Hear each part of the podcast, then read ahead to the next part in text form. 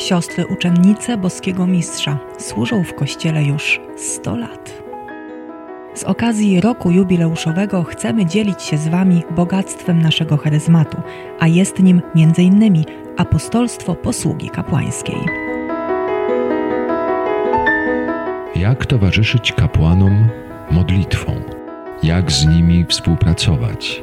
Jak pełnić macierzyństwo i ojcostwo duchowe? Na te pytania odpowiadają siostry oraz ich przyjaciele i współpracownicy, a przede wszystkim błogosławiony Jakub Alberione. Refidim. Niech będzie pochwalony Jezus Chrystus. Przed nami kolejna audycja z cyklu Refidim. Przy mikrofonie siostra Aleksandra Szyborska, uczennica boskiego mistrza. Bardzo serdecznie Państwa pozdrawiam. E, po serii świadectw e, moich sióstr, a także uczestniczek rekolekcji o modlitwie za kapłanów, także po fragmencie konferencji e, kapłana, który nam towarzyszył w tych ćwiczeniach duchowych, przychodzi czas na taką serię mm, słów ojca założyciela, błogosławionego Jakuba Albelionego, który dał nam apostolstwo posługi kapłańskiej. I to nie chodzi tylko o modlitwę. Ojciec założyciel chciał, żeby to towarzyszenie kapłanom stało się naszym stylem życia i ogarniało wszystkie sfery naszego duchowego życia. I e, stąd dziś proponuję Państwu włączenie się w e, jeden z aspektów naszego apostolstwa kapłańskiego, a jest nim tak zwane apostolstwo świętych pragnień. Być może już Państwu kojarzy się to apostolstwo, ten wymiar życia duchowego ze świętą Teresą od Dzieciątka Jezus, Teresą z Lizie i jest to właściwy trop. Posłuchajmy, co o tym pisał ojciec założyciel. Są osoby, które w swoim życiu nigdy nie będą mogły pełnić apostolstwa czynnego, na przykład z powodu choroby, ale za to będą pełnić apostolstwo świętych pragnień. Bez dobrych pragnień niemożliwe jest pełnienie dobrych dzieł. Wszystkie pragnienia świętych streszczają się w tym, aby Bóg był poznany, kochany, wielbiony i aby wszystkie dusze były zbawione i święte. Święta Teresa od dzieciątka Jezus wyróżniała się apostolstwem świętych pragnień. Pomyślcie o pozyskaniu przez nią pierwszego grzesznika Pranciniego i jak ją Bóg wysłuchał. Święta Teresa pragnęła pójść do nieba, aby spuszczać na ziemię deszcz róż. Tak czyniła i nadal czyni. Pamiętajmy też, że Teresa jest patronką misji, mimo że fizycznie nie była misjonarką, pozostała w klauzurze, ale modliła się za misjonarzy, korespondowała z nimi, umacniając ich. Pragnęła, żeby dali radę, żeby było ich coraz więcej. I to pragnienie było w niej tak palące, że przypomina mi się tutaj wyrażenie Pana Jezusa. Przyszedłem, aby ogień rzucić na ziemię i jakże pragnę, aby on już zapłonął. A podczas ostatniej wieczerzy mówi: Gorąco pragnąłem spożyć tę paschę z wami, zanim będę cierpiał. Desiderio desideravi, gorąco pragnąłem. To zresztą tytuł listu apostolskiego papieża Franciszka o formacji liturgicznej. Pragnienie to płomień, który czyni człowieka zdolnym do najdalej posuniętych ofiar. I to pragnienie według Kościoła, według pojęcia właśnie chrześcijańskiego, to nie jest tylko y, marzenie, nie są to jakieś realne czy nierealne zachcianki, ale jest to postawa woli i y, jest ona związana y, z boską cnotą nadziei.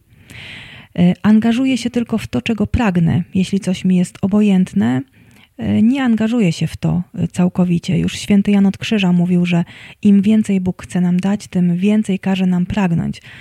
Mm, myślę, że nieraz zdarzyło nam się zgasić jakieś mm, święte pragnienie, które Bóg w nas wzbudzał, e, bo nie mamy tyle wiary, że to Bóg właśnie wzbudza i ma moc je wypełnić, czy też po prostu zwyciężyły jakieś ludzkie aspekty.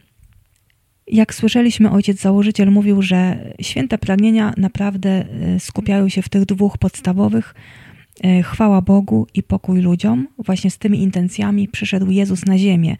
Właśnie te intencje, chwała Bogu, pokój ludziom, wyśpiewali aniołowie e, nad żłóbkiem Jezusa.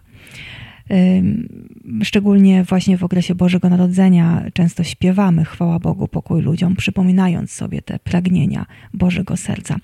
Posłuchajmy dalej księdza Albelionego.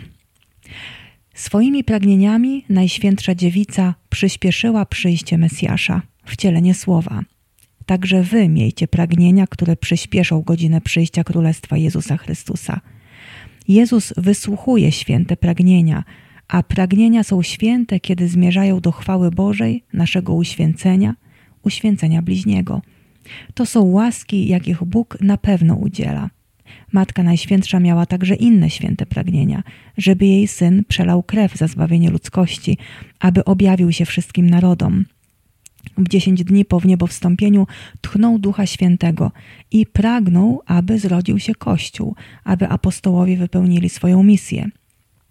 Później wlał tęsknotę, czyli święte pragnienie, za niebem. Jak jeleń pragnie źródeł wody, tak dusza moja pragnie Ciebie, mój Boże. Czy rzeczywiście pragniecie rozszerzania się Kościoła? Czy rzeczywiście pragniecie, aby kapłani byli korliwi? Czy pragniecie, aby Jezus Eucharystyczny był adorowany? Jakie są wasze pragnienia? Czy pragniecie, aby dzieci zachowały niewinność, aby było więcej powołań? Czy myślicie o grzesznikach, o umierających? Być jednym z sercem Jezusa. O, gdybyśmy mogli odkryć intencje, jakie Jezus ma w hostii świętej, gdybyśmy mogli przeniknąć Jego serce. Jeśli zjednoczysz się z sercem Jezusowym, będziesz uczestniczyć w Jego pragnieniach i w Jego dążeniach. Tak pisał ojciec założyciel, błogosławiony Jakub Alberione, dając nam, niewiastom, apostolstwo posługi kapłańskiej. E, I tutaj e, jeszcze na jedną rzecz chciałabym zwrócić uwagę, ponieważ założyciel w kontekście życia wewnętrznego, a także tego apostolstwa zewnętrznego, bardzo zwracał uwagę na formację umysłu. Pisał, że człowiek jest tym, co myśli, trzeba karmić i kształtować umysł, czytać, pogłębiać wiedzę, zdobywać informacje, rozmawiać na tematy, które mnie interesują, y, które pragnę rozwijać. Y, od tego właśnie zależy kierunek mojego życia, kierunek mojego działania, także sposób mojej modlitwy, wszystkie moje intencje. Jeśli chcemy przeżywać tę prawdę w duchu apostolstwa kapłańskiego, to trzeba dbać o umysł. Jak myślimy o kapłanach? Co czytamy? Z kim rozmawiamy? Czy staramy się pogłębiać wiedzę na temat wyzwań kapłańskiego życia? Albo żeby potem w rozmowie z kimś opowiedzieć o kapłaństwie pozytywnie, obronić, jeśli trzeba, zdawać sobie sprawę z całości sytuacji, a nie tylko wybiórczo. E, co czytamy? Czy czytamy tylko złośliwe komentarze, czy też chcemy pogłębiać, pogłębiać samą e, wiedzę na temat życia Kościoła, na temat wyzwań kapłańskiego życia? Żeby też umieć słuchać o potrzebach, zbierać intencje do modlitwy za kapłanów, żeby dbać o to rozpalanie pragnienia modlitwy o uświęcenie kapłanów, żeby kapłan zapragnął świętości, rozwoju duchowego, pogłębiania wiedzy, służby, żeby wzrastał i rozwijał się. Jeśli tego pragniemy, będziemy e, dążyć do tego ze, ze wszystkich sił, we wszystkich e, dziedzinach życia i za pomocą pracy, i za pomocą rozwoju intelektualnego, duchowego, rozmów z ludźmi. To tyle o ojcu założycielu i o jego formacji duchowej w kontekście apostolstwa świętych pragnień. To pragnienie, jeśli w sobie rozpalimy, nie dojdzie do y, tak bardzo częstej w naszym życiu rutyny, o czym słyszeliśmy już w świadectwie wcześniej jednej z sióstr, która wciąż szuka nowych metod, nowych sposobów na rozpalanie w sobie tej gorliwości modlitewnej, o chwałę Bożą, o zbawienie dusz, o uświęcenie kapłanów, także na wynagrodzenie za ich grzechy, za ich upadki e, i za upadki tych wszystkich, którzy poszli w ich ślady lub odeszli od Kościoła na skutek ich złych przykładów. Życzę więc Wam wszystkim, życzę nam wszystkim, żebyśmy rozwijali w sobie te święte pragnienia chwały Bożej i zbawienia ludzi, szczególnie zbawienia, uświęcenia kapłanów, i żeby to ukierunkowało nie tylko życie naszej modlitwy, ale także cały styl naszego życia.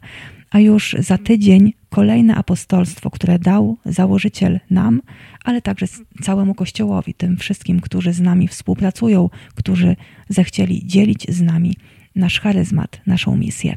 Do usłyszenia. Módlmy się za kapłanów. Refidim